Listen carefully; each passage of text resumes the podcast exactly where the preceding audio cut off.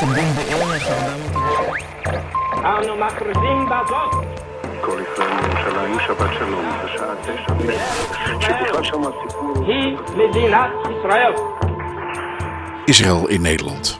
Dit is de podcast van de ambassade van Israël waarin wij wekelijks een aflevering uploaden op ons Soundcloud-kanaal. In de podcast is er aandacht voor het grote verhaal van Israël, maar ook oog voor detail. Gesprekken met diplomaten en gewone burgers, Joodse feesten, innovatie en toerisme. Iedere week dus de stem van Israël in Nederland. Heel hartelijk welkom bij de podcast van de ambassade van Israël in Den Haag. Het is uw vaste plek voor verhalen en informatie over Israël, de Joodse wereld en de relaties tussen Nederland en de Joodse staat. Mijn naam is André Diepenbroek en ik ben uw gastheer. Net als ik zult u ongetwijfeld het nieuws over corona, de maatregelen en het reizen naar het buitenland hebben gevolgd. Ik dacht hierover na en heb besloten een hele aflevering van onze podcast te wijden aan het toerisme. Een update van de regels en de situatie en ik spreek met iemand die een wel heel bijzondere reisgids heeft gemaakt. Zo krijgen we er toch weer langzaam zin in. We stellen onszelf allemaal dezelfde vragen over reizen naar Israël. Hoe staat het ervoor? Kan iedereen weer naar Israël reizen? En hoe gaat het in zijn werk met al die veranderende maatregelen? Nou hebben wij als onderdeel van de ambassade een afdeling toerisme. Die zit in Amsterdam.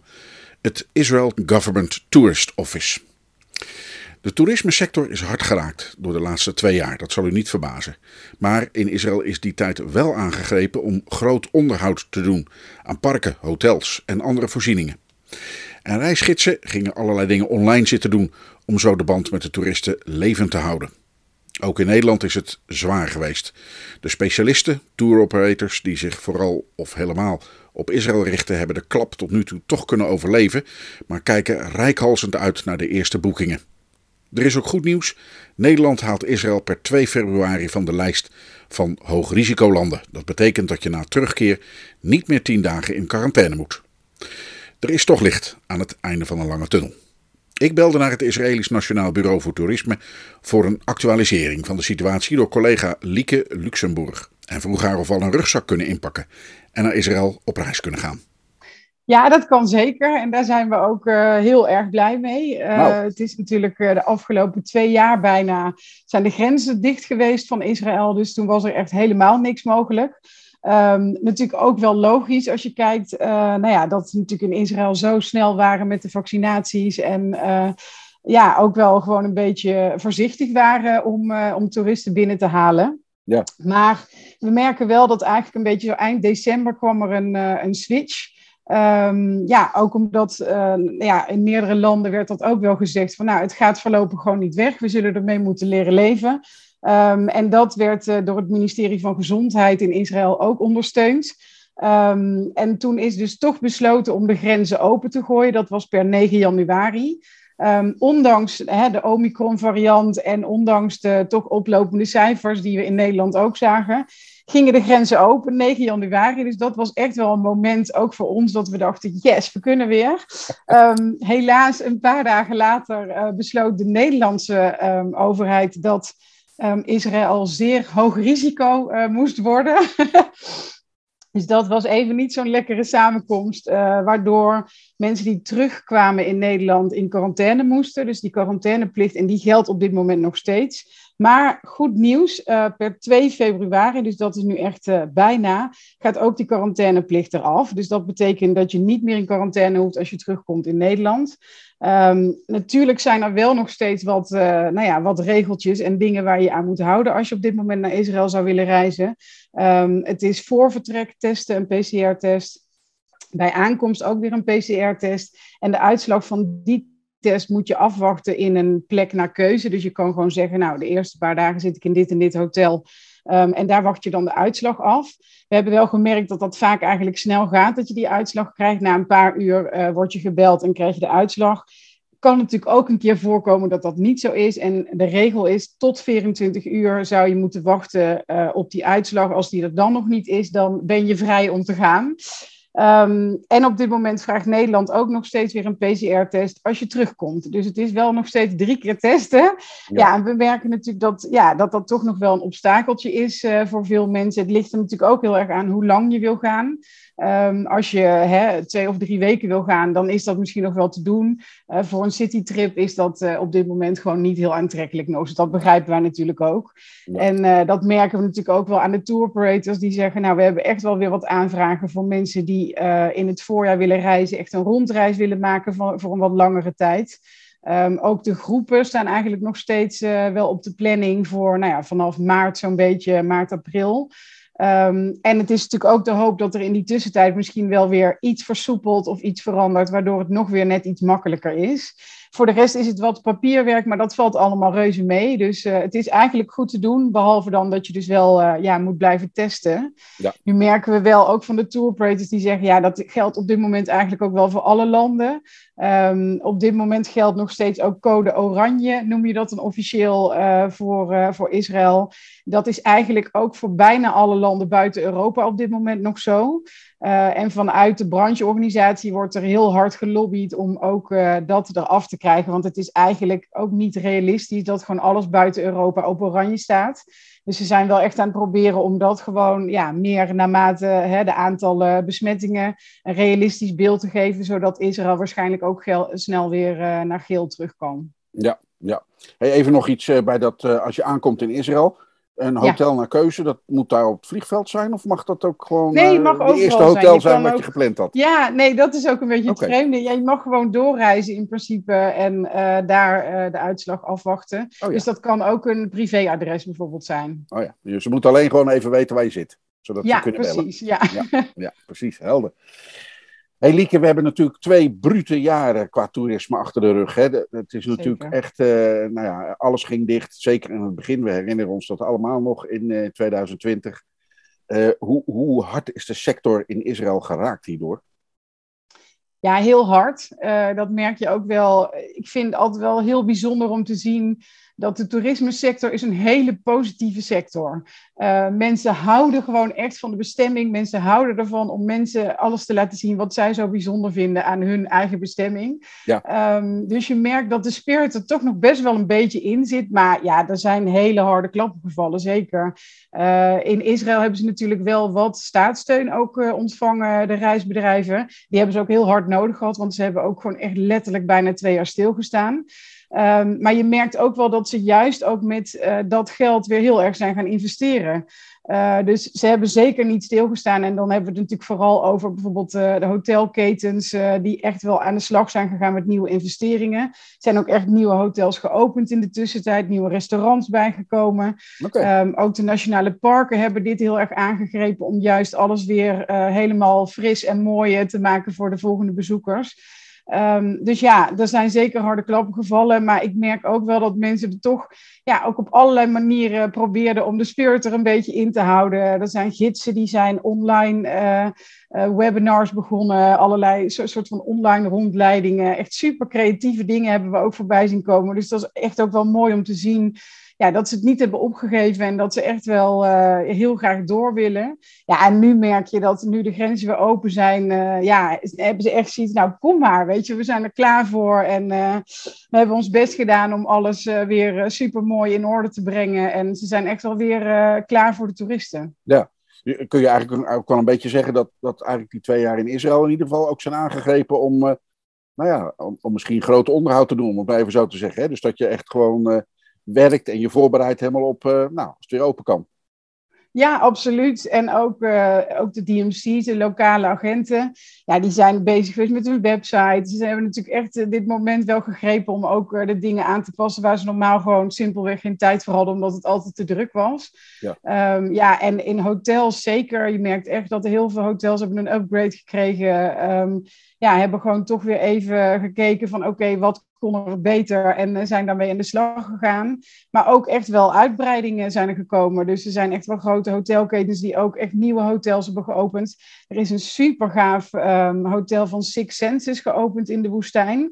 Dat is een internationale keten, heel bekend bij Amerikanen, is heel high-end. Ehm, het draait allemaal om beleving. Dus het is echt, ze hebben ook een eigen camel farm bijvoorbeeld. Echt super gaaf ziet het eruit. Midden in de woestijn. Dus dat is echt voor de mensen die zeggen: Nou, ik ben helemaal klaar ermee na deze twee jaar. Ik wil even rust. Ik wil heel wat komen. Dan eh, is dat een perfecte plek. Dus ja, dat soort nieuwe ontwikkelingen zijn natuurlijk ook heel goed voor toerisme. Want dan Ja. merk je dat daar ook weer heel veel mensen op afkomen. Hey, waar, waar is dat hotel te vinden? Want eh, eh, er gaan vast luisteraars mij benaderen van... eh, dat klinkt Ja, heel het gaaf. heet eh, Six Senses Shakarut. En het ligt eh, ongeveer een uurtje eh, ten noorden van Eilat. Oké, dus echt in het Dus zuiden. midden in de Negev. Midden ja. in de Negev, ja. Ja. Mooi, nou, dank voor de tip. Die hebben we dan Ja. alvast te pakken. hey, ehm, de andere kant van het verhaal, dat is natuurlijk hier aan, eh, aan de Nederlandse kant, de tour operators. Die je had specialisten, mensen die echt, bedrijven die echt eh, alleen op Israël eh, of eh, buurlanden vlogen en daar werkten. Sommige bedrijven hadden natuurlijk gewoon een belangrijk vleugel, laat ik zeggen, een, een, belangrijke afdeling die Israël deed ja, jullie moeten soms ook een beetje handenwringend langs de zijlijn hebben gestaan. Want die bedrijven konden ja, een groot deel of helemaal niks meer doen. En ja, hoe lang hou je zoiets vol? Hoe, hoe erg is het hier in Nederland geweest voor de, voor de sector? Nou ja, ook wel heel erg. Dat merken we ook echt wel met onze trouwe partners. En dat is inderdaad eh, heel moeilijk om eh, aan de zijlijn te staan en eigenlijk niet heel veel te kunnen doen, omdat natuurlijk ook onze budgetten eh, bevroren waren. Ehm, ja, er zijn vooral echte specialisten, eh, dus de echte Israël-specialisten. Eh, dat zijn er een aantal en die zijn er ook allemaal nog steeds. En daar zijn we super trots op dat ze, dat ze het hebben gered, want dat is echt wel eh, noemenswaardig. Want ja, het was natuurlijk een bizarre tijd. Ehm, ja, ook zij zijn natuurlijk aan de slag gegaan met wat ze kunnen doen in de tussentijd. Maar goed, ja, het was gewoon heel moeilijk. Natuurlijk ook best wel weinig eh overheidssteun gekregen vanuit Nederland. Eigenlijk alleen maar voor de, voor de salarissen. Ehm, ja, dus dat is een hele zware tijd geweest. eh, vooral voor de specialistische tour operators. En dat, ook daar zie je weer dat ze echt ja, zo er zin in hebben weer om weer op te kunnen starten. En eh, ja, er ook alles aan doen om natuurlijk in contact te blijven met hun klanten in de tussentijd. Zij merken gelukkig ook wel dat er steeds meer klanten weer beginnen ehm, ja, aanvragen te doen. Eh, heel veel boekingen komen er op dit moment helaas nog niet binnen. Maar goed, dat is misschien ook logisch als je kijkt naar eh, de inreisregels. Maar de aanvragen zijn er zeker wel weer. En de eerste boekingen komen inmiddels ook binnen. Dus je ziet dat dat echt ja, zo'n boost weer geeft. eh, dat er gewoon weer iets kan. Ehm, ze hebben natuurlijk zoveel geduld moeten hebben de afgelopen tijd. En eh, dat hebben ze ook gehad. Dus dat is, vind ik super knap dat ze, dat ze het hebben overleefd en dat ze er nog zijn. En eh, ja, dat ze er nu gewoon weer zijn voor hun klanten. Dus eh, zij zijn natuurlijk een super, eh, super belangrijke schakel in eh, het boekingsproces. Ehm, je merkt ook wel dat eigenlijk in deze tijd met zoveel ingewikkelde regels, dat mensen het nog belangrijker vinden om een goede specialist in de arm te nemen.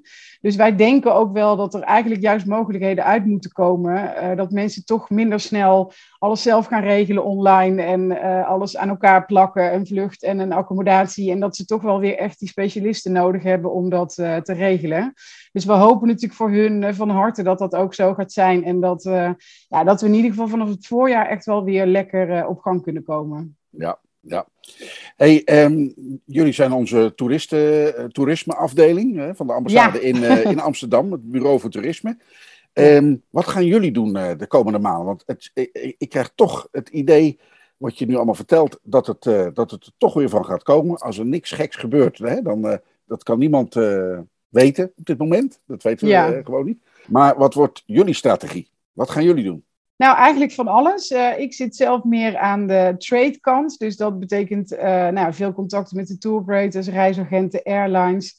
Eh, dus daar gaan we heel veel mee doen. Ook natuurlijk omdat zij die ondersteuning op dit moment wel nodig hebben om weer op te kunnen starten. Ja. Eh, dus dat betekent marketingovereenkomsten om ja, hun te steunen om weer te gaan promoten eh, op de bestemming Israël. Vanuit de PR-kant, mijn collega Jeffrey, die is natuurlijk ook weer hard bezig met journalisten, influencers. Ehm, ja, mensen die positief schrijven over Israël, die we misschien wel er naartoe kunnen sturen om daar eh, echt live verslag van te doen. Dus die kant ook zeker. Nou ja, en voor de rest hopen we natuurlijk dat we ook binnenkort weer wat evenementen kunnen doen. Dat hangt natuurlijk allemaal heel erg af van eh, wat allemaal mogelijk is in Nederland. Maar eh, ja, evenementen voor eh, het algemene publiek, maar ook voor reisagenten bijvoorbeeld, die we echt wel wat meer ehm, ja, willen laten kennismaken met de bestemming Israël. Er zijn natuurlijk echt wel veel uh, reisagenten die uh, de bestemming kennen, die er ook wel zelf een keer zijn geweest, maar is Ja. inmiddels natuurlijk ook voor iedereen wel weer een tijdje geleden. Dus het is ook belangrijk om te laten zien wat er allemaal is veranderd, wat erbij is gekomen, wat de mogelijkheden zijn. Ehm, ja, dus heel veel plannen eigenlijk. We hopen Ja. zelfs dat we op een gegeven moment weer echt met de grotere campagnes eh, in de weer kunnen. We hebben natuurlijk ooit de trams eh, door eh, de grote steden ja, gehad. ja, dat zou fantastisch zijn als we dat weer zouden kunnen doen. Maar dat is natuurlijk even afwachten. Nou ja, ook wat, voor, eh, wat de plannen zijn vanuit het ministerie. Want dat is natuurlijk ook, ja, het is heel erg met nadruk nu op de ehm, rebuilding, zoals ze dat dan noemen. Dus echt om alles weer op te starten en iedereen daarin te ondersteunen. Voordat we echt weer kunnen gaan eh, ja, nadenken over een nieuwe campagne eventueel. Juist. Lieke, dank voor al deze informatie. Eh, ik Ja, krijg er een heel gedaan. positief gevoel bij. En heb toch het idee, als er niks geks gebeurt, zien we echt een hoop licht aan het einde van de tunnel. Dat klopt, hè? Ja, ik hoop het zeker. Ja, het is inderdaad goed nieuws allemaal. En eh, laten we hopen dat het zo doorzet. En eh, dat we allemaal weer eh, lekker op vakantie kunnen gaan naar Israël. En dat is natuurlijk wat we gewoon willen. Zeker. Zeker. Dank voor je tijd en voor de update. Graag gedaan.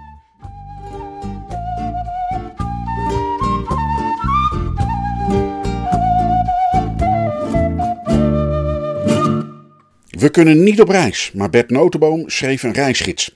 En niet een klein dingetje voor in een achterzak, maar een pil van 400 pagina's. Met een hele online omgeving vol vlogs, beeldmateriaal en een audiotour. En omdat hij samen met co-auteur Gerjanne van Dalen concludeerde dat christelijk Nederland voor een heel groot deel eigenlijk geen beeld heeft bij Israël als land en volk van de Bijbel, besloten zij dan dat gat maar in te gaan kleuren. Dat leverde een volkomen uniek boek op. Een combinatie van reisgids, online beleving, encyclopedie en bijbeluitleg. Allemaal onder de titel Reis door het beloofde land in Jezus voetsporen. Bert en Gerjanne nemen iedere christen die wil luisteren mee op reis. In het echt of virtueel. Om te luisteren, te begrijpen, te proeven en te ruiken. En voor wie niet christelijk is, is het boek ook de moeite waard. Je leert de Bijbel, een bron tenslotte van onze cultuur, kennen en begrijpen. En maakt tegelijk kennis met het volk van het boek. U begrijpt het al. Ik pakte de auto en reisde af naar Almere, de plek waar Bert woont en werkt.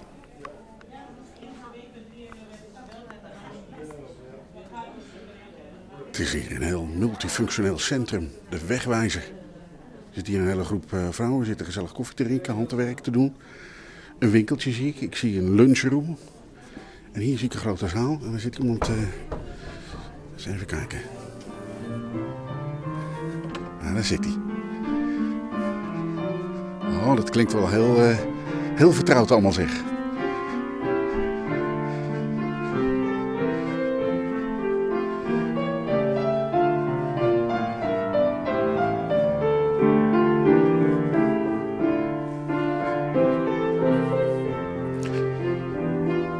Dat behoeft geen enkele uitleg.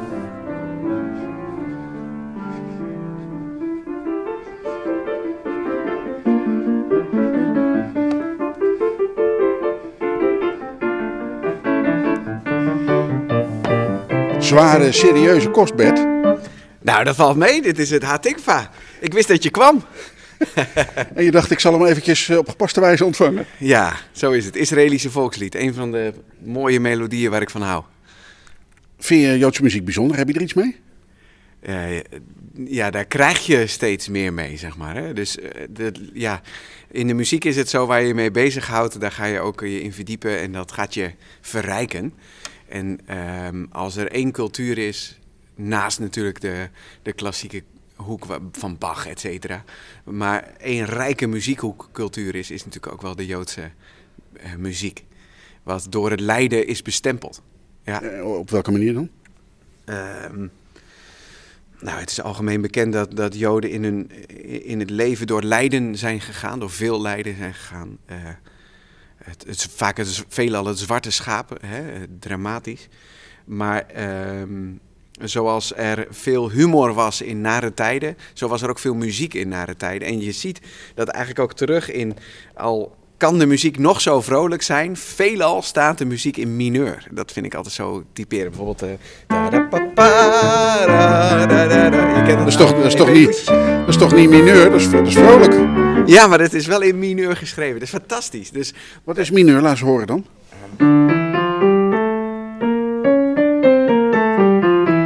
en majeur is. Dus er zit die, die verhoogde derde, derde toon zitten in de toonladder en de mineur is die. Maar door middel van het ritme, ehm, de melodielijnen waarvoor gekozen wordt, ja, is dat toch veelal in mineur. En dat vind ik echt heel erg typerend. ehm, dat je dan nog, dat je zoveel melancholiek er ook vaak in krijgt. Hè? Ehm, neem bijvoorbeeld het, eh, het, ehm, eh, de tune van eh, Schindler's List of zo. Hè? Dat is enorm melancholisch. Het is, de drama kun je erin vergroten. Maar zoals je hoort bij een Hava of zo, Hava Nagila Hava, dan zie je, het kan dus toch echt gewoon heel feestelijk klinken. Maar het is nog steeds in een mineur toonsoort. Ja. Joodse muziek heeft geen majeur? Heeft majeur. Ehm, een van de weinige voorbeelden is volgens mij ehm, het, eh, het, het stuk wat klinkt ehm, rondom eh, Yom Kippur, Grote Verzoendag. Kol Nidre. Ja. ja. Maar dat is een heel sombere tekst. Le- Ja, gaat over schuld en, eh, en boete doen en weet ik veel. Ja, en, en dat is het denk ik juist, juist als het dat is, denk, denk de Joodse componist, hey, volgens mij moet ik nu een, eh een eh, majeur toonladder gaan gebruiken, want dit wordt zo, moet zo dramatisch. Dus laten we in majeur verder gaan.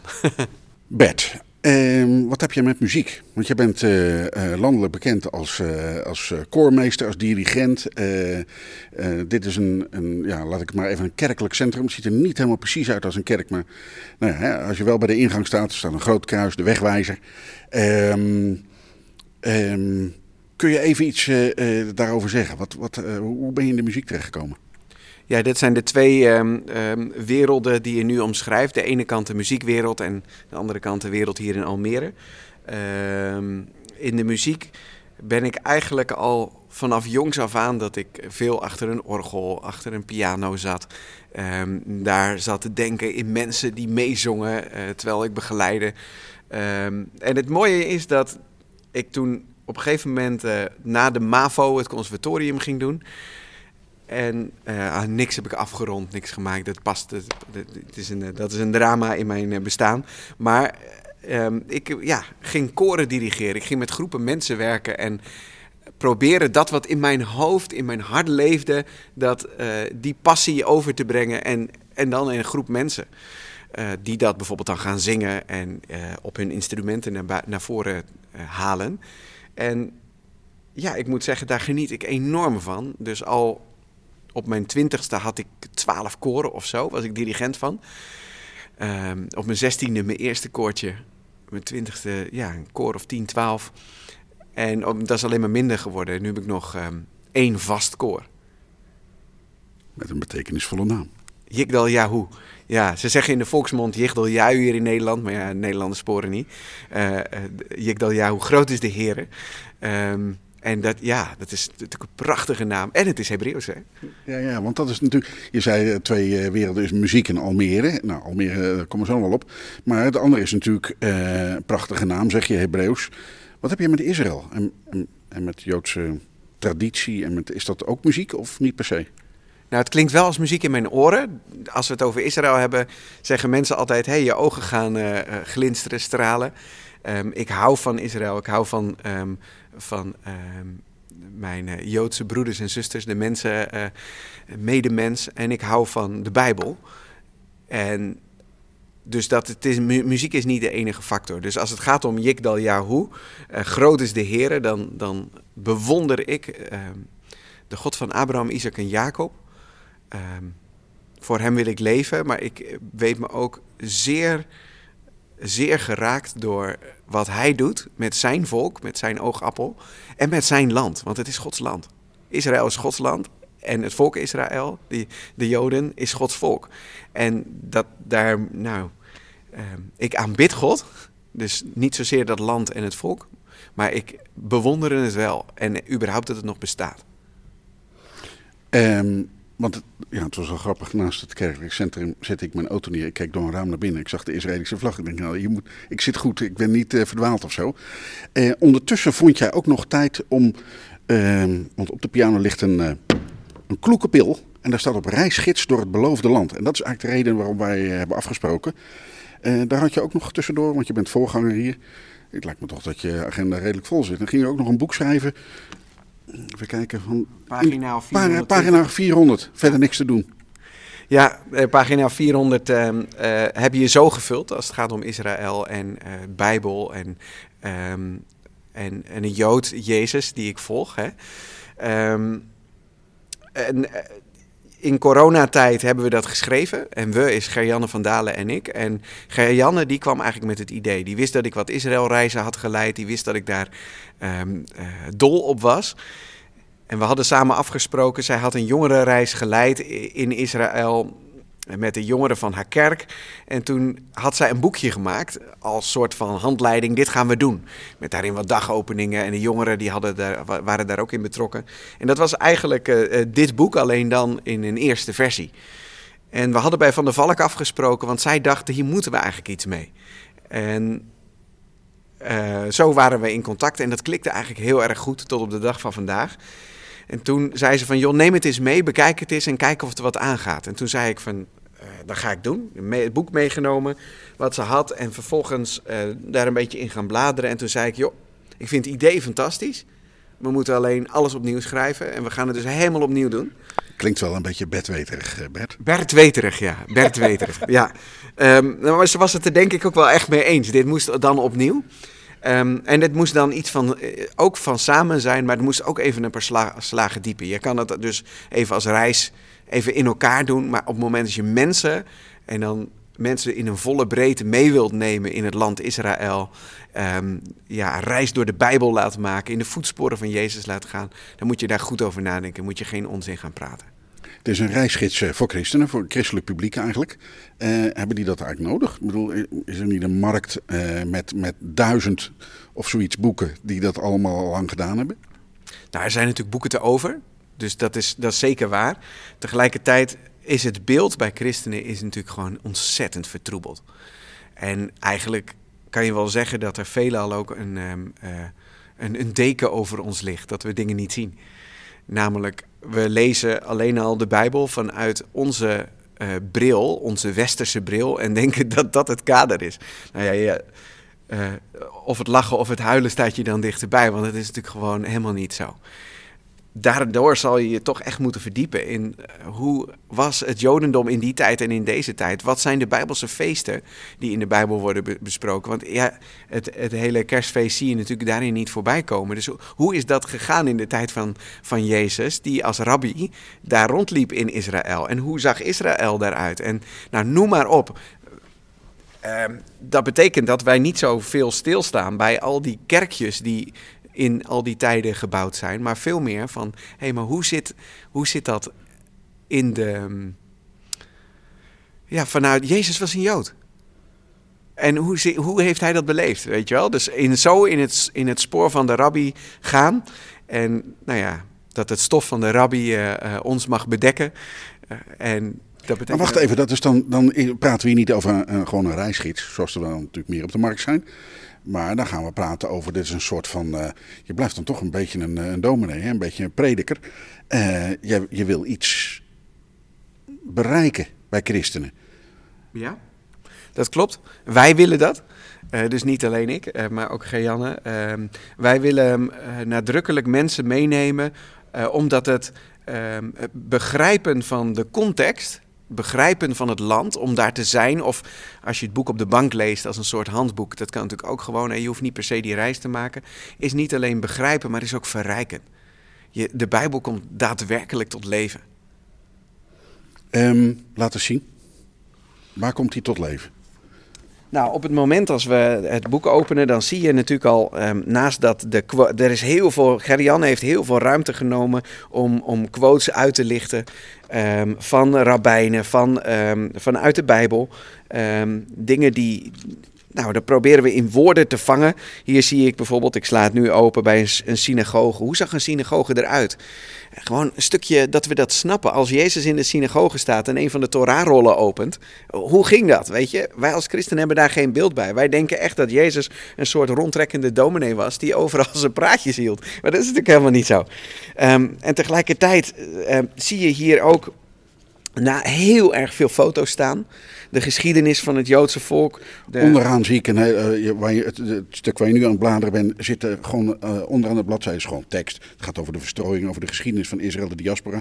En dan onderaan heb je gewoon een, een doorlopende tijdlijn helemaal ja. staan. Ja, wij wilden gewoon echt vanaf, um, eigenlijk vanaf de schepping en dan Abraham, et cetera.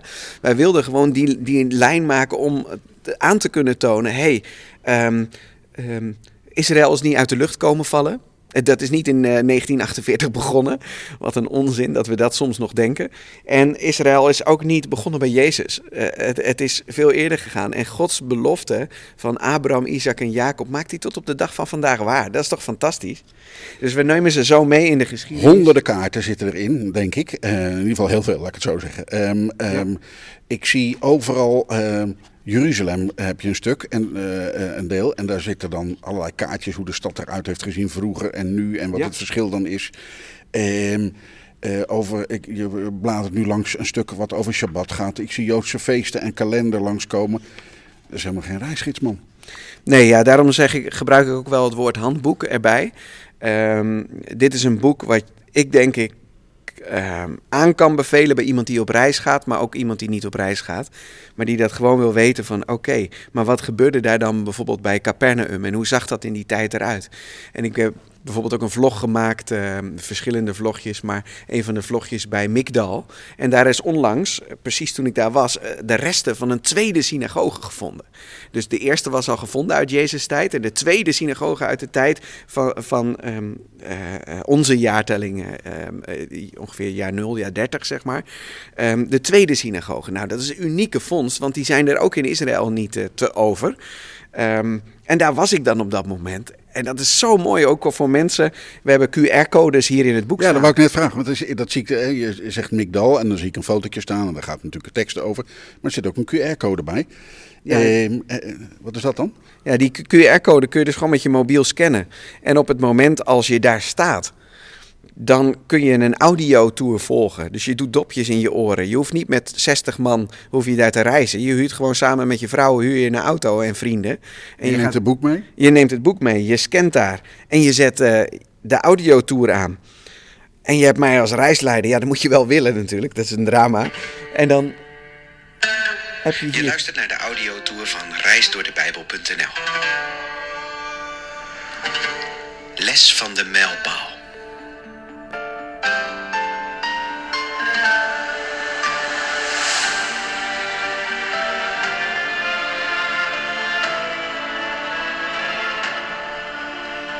Mogelijk sta je nu bij een mijlpaal in Capernaum of Jeruzalem of op een andere plek. En anders zie je er een plaatje van.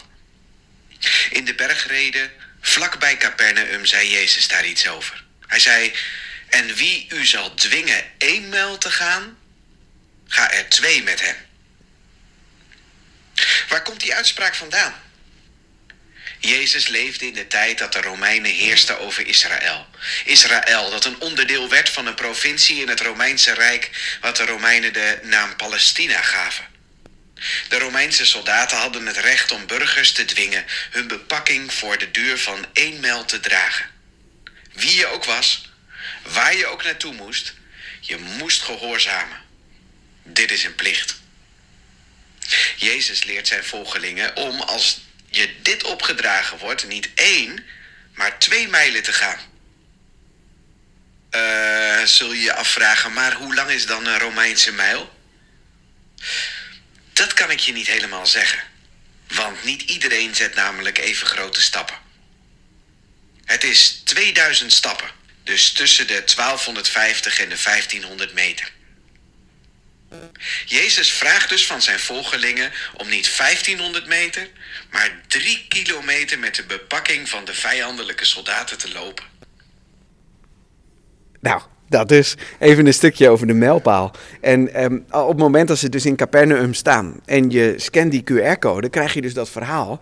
En een gids, ik heb één keer of twee keer daar met een gids rondgelopen. Ik verstond hem niet. En nu heb je hem gewoon in je oren. En ik vertel je daar gewoon wat er gebeurt. Nou, dat is toch fantastisch? Dat is geweldig. Hey, en eh, ehm, dit is natuurlijk, eh, nou laat ik zeggen, uit eh, het begin van, van de jaartelling. Heb je ook dingen over, nou langer geleden, laat ik zeggen, oude, zeg maar, antieke Israël uit, nou, uit de tijd van de, van, de, van de misschien eerste of tweede tempel? Ja, zeker. Dus en, ehm, op het moment als we bij de tempel zijn, dan vertellen we daar ook iets over. Ehm, dit boek is wel gericht op het in Jezus voetstappen gaan. Dat zie je ook gewoon onderaan reisgids door het beloofde land. In Jezus voetsporen. Ehm, ik sluit niet uit met het enthousiasme waarin wij bezig geweest zijn en het enthousiasme waarin dit ontvangen wordt, dat er ooit ook nog eens een keer even bijvoorbeeld in de, in de voetsporen van David of iets dergelijks gaat komen, waar we veel meer daarvoor de tijd kunnen nemen. Maar um, ik heb ook over Abraham geschreven, ik heb over, over de wetgeving aan Mozes geschreven, um, want daar daar kun je niet, ook niet omheen, want de hele, uh, alles rondom de synagoge is daar ook natuurlijk ah, op geënt. Dus ook Jezus' boodschap was daarop geënt. Bij de Westelijke Muur, dus geldt ook als synagoge, daar ben je ook geweest. Um, uh, daar, uh, nou, dat is daar zit een enorme luchtfoto in. Met allemaal rondjes en nummers en getallen erbij. wat het allemaal is.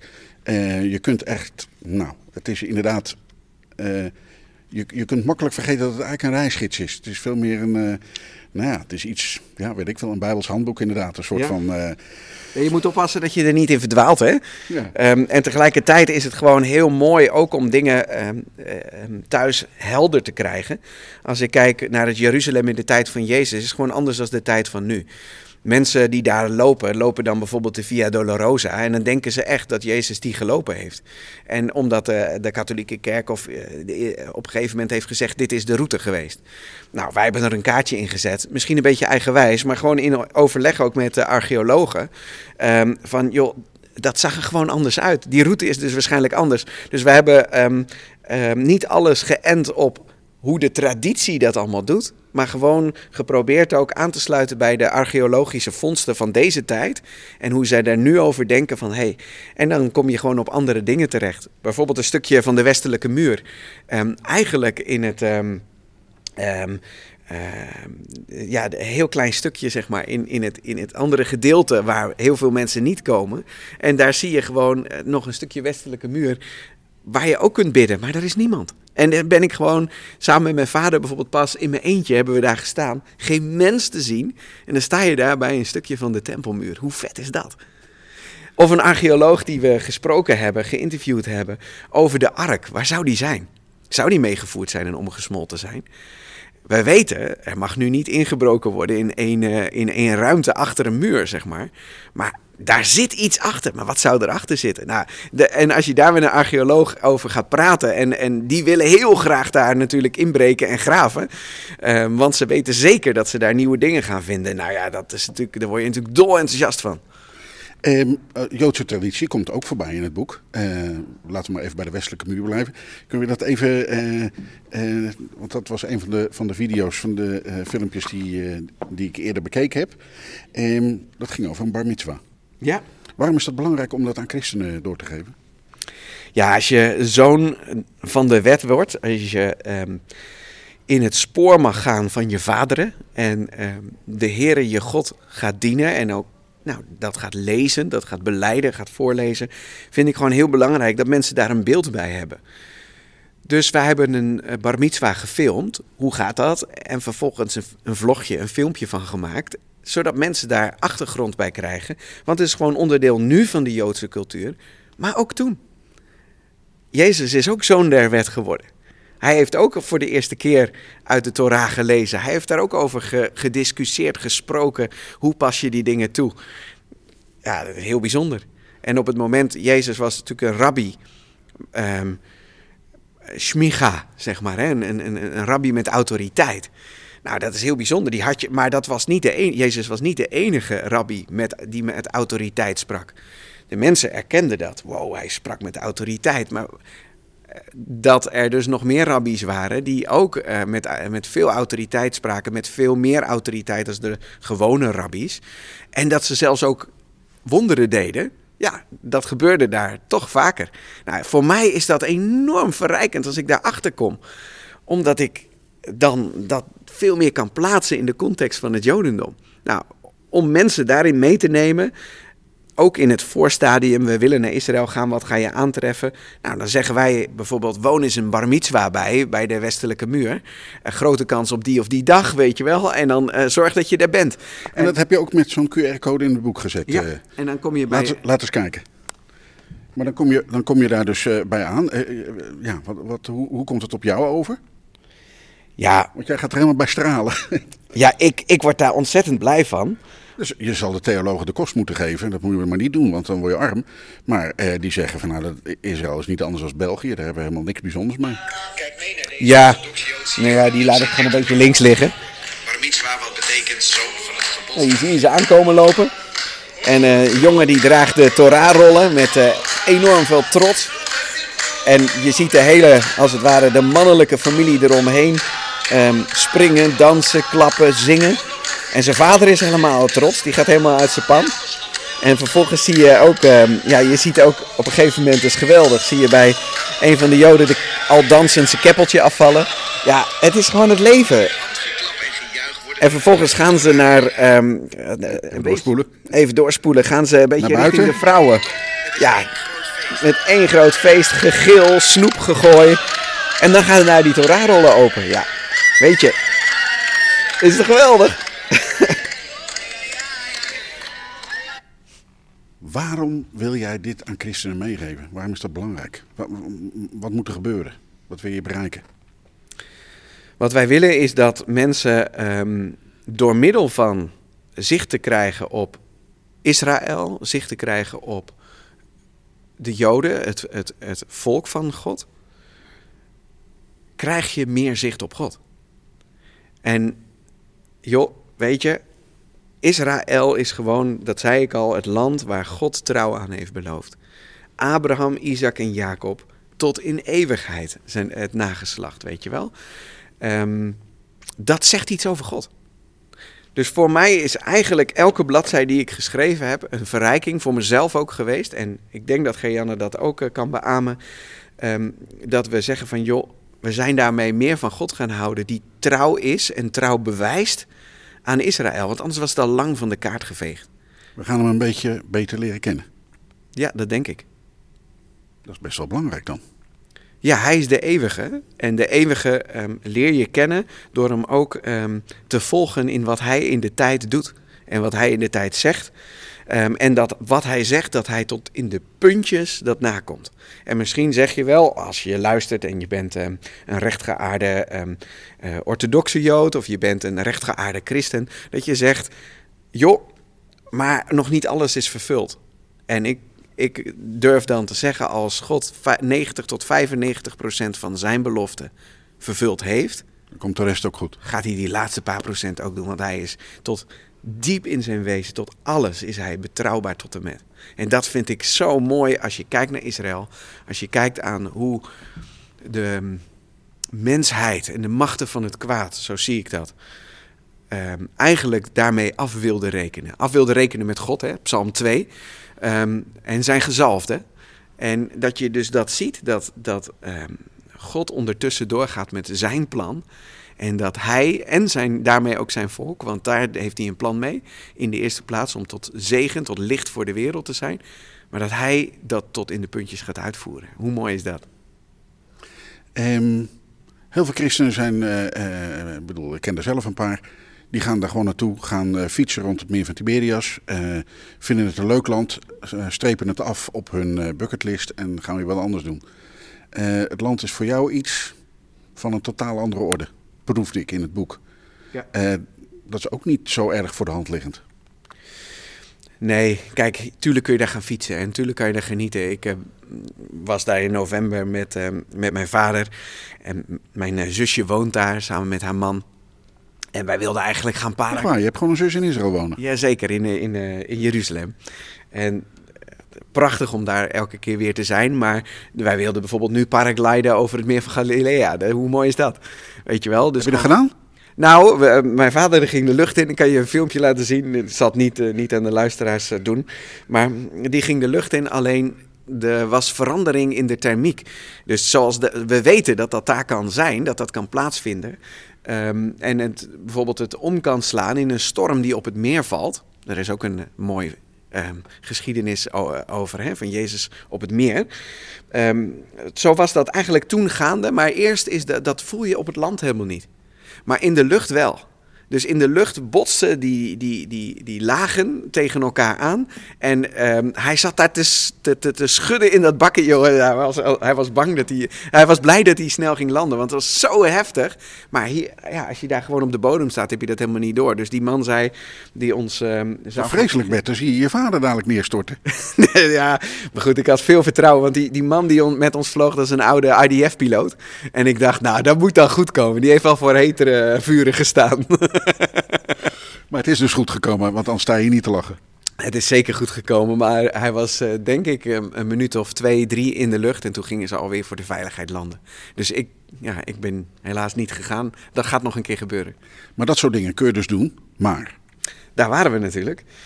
Ehm, dan, dan zie je het als een een of andere toeristische trekpleister. Dan denk je van, nou, ik ga even skiën, want dat kan natuurlijk ook in Israël. Eh paragliden, fietsen.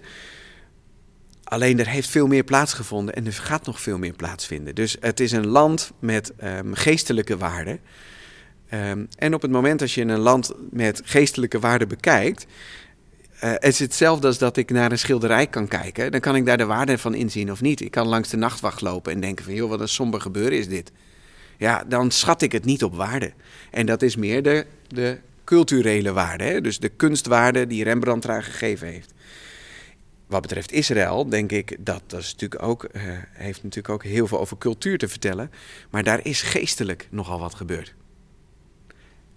Dus daar gaat het over.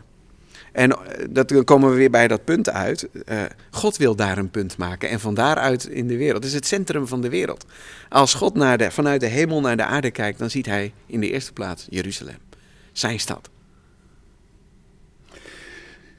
Ehm, nou, we hebben één probleem natuurlijk. We zitten in coronatijd, dus we kunnen er helemaal niet heen. Eh, ik bedoel, ik krijg vreselijk veel zin om te gaan nu. En eh, het boek zit ook vol prachtige foto's van, van je eigen reizen erheen.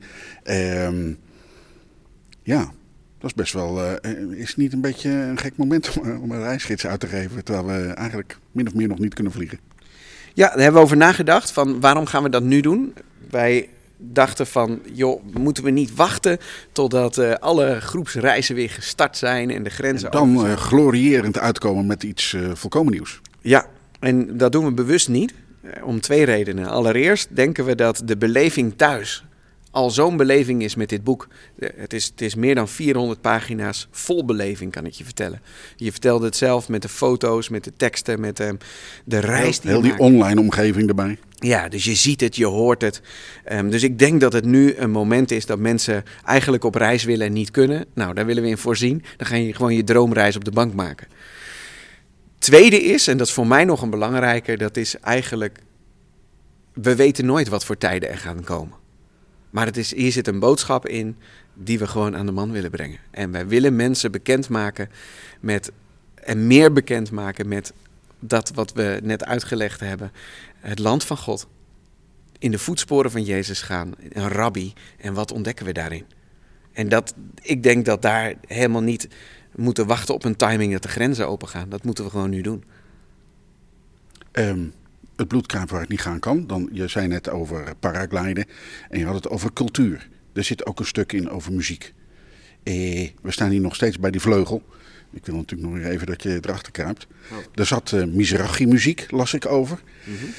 Ik las over eh, liturgische muziek. Ehm, is het belangrijk om, om iets van Joodse cultuur en dan vooral, laat ik zeggen, muzikale cultuur door te geven? Wordt het niet op een gegeven moment zo'n berg van, van 10 miljoen dingen, eh, waardoor eh, die, die, die, die goedwillende christelijke mevrouw of meneer op de bank eh, denkt, ja, sorry hoor, maar dit, eh, dit eh, trek ik allemaal niet meer.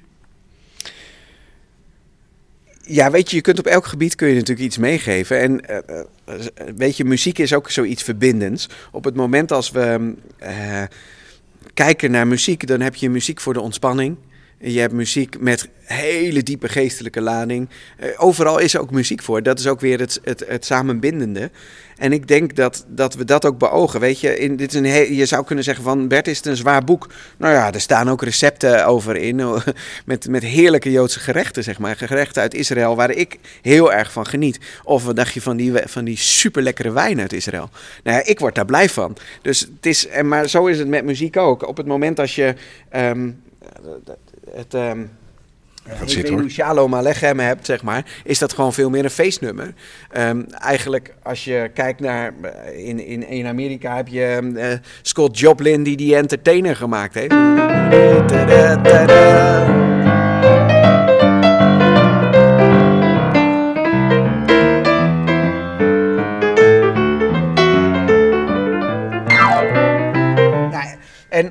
Dus voor alles, voor alle gemoed, je moet ook niet, je moet niet zwaarmoedig zijn. En ik denk dat ik dat ook wel heel erg geleerd heb in Israël van de Joden, is dat, ja, ik kom daar de zwaarmoedigheid van de gemiddelde, ehm, nou dat is overtrokken, maar misschien wel de gemiddelde Nederlander is wel somberder, er zit altijd te zeuren, het is allemaal, het, glas is half vol, weet je wel. En, en, daar en daar, ja, dan schenken we het glas gewoon nog een keer vol.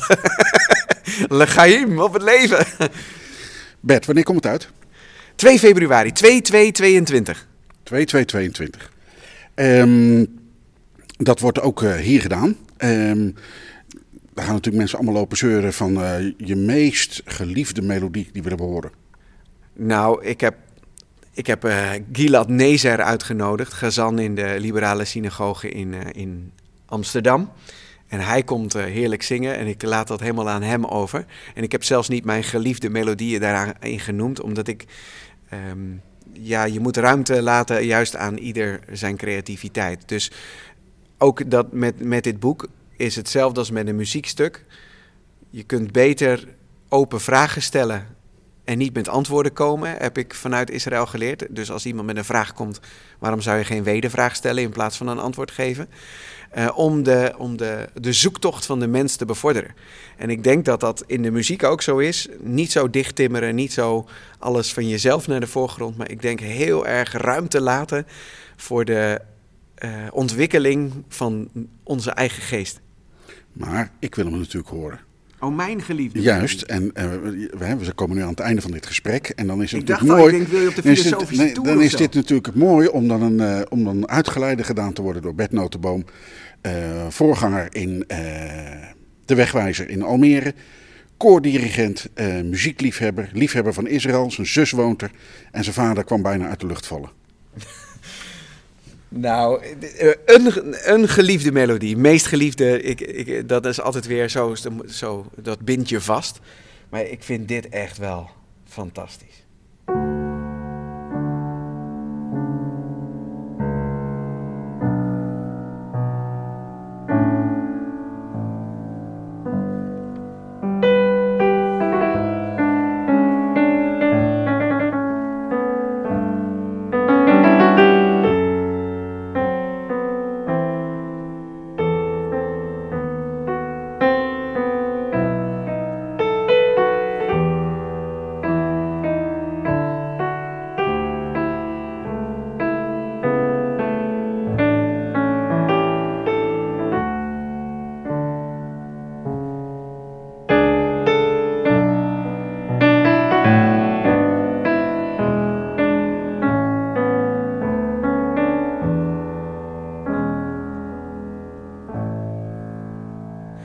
Van Bach. Maar ik denk, jou kennende, en ik zie je ogen al een beetje glinsteren, dat, is, dat jij eigenlijk zoiets wil horen.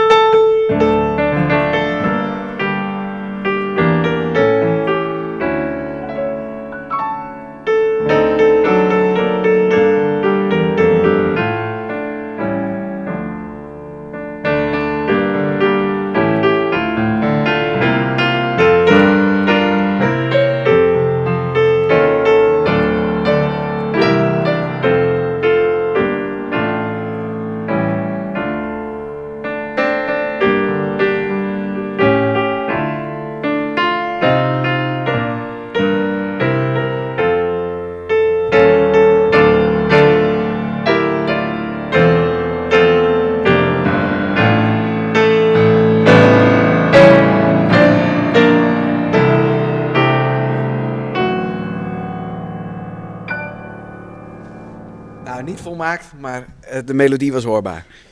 Eh, de, de sfeer en het enthousiasme klinken erin eh, door. En dan die enkele keer dat het misschien niet helemaal volmaakt was. Nou, dat eh, vergeven we je. Dat is het hier nog niet, maar dat komt. hey, eh, was eh, geweldig. Bert, dank. Nogmaals, eh, ik wens je heel veel eh, succes. Ook eh, een goede reis, zodra dat weer enigszins kan. Eh, ik denk dat ik meega. In mei. Echt waar? Ja, ga je mee? Oh, en daar moet ik eerst nog eh, thuis toestemming voor krijgen. Hoor, want dan moet ik natuurlijk de portemonnee trekken. Ja, dat is, dat is zeker.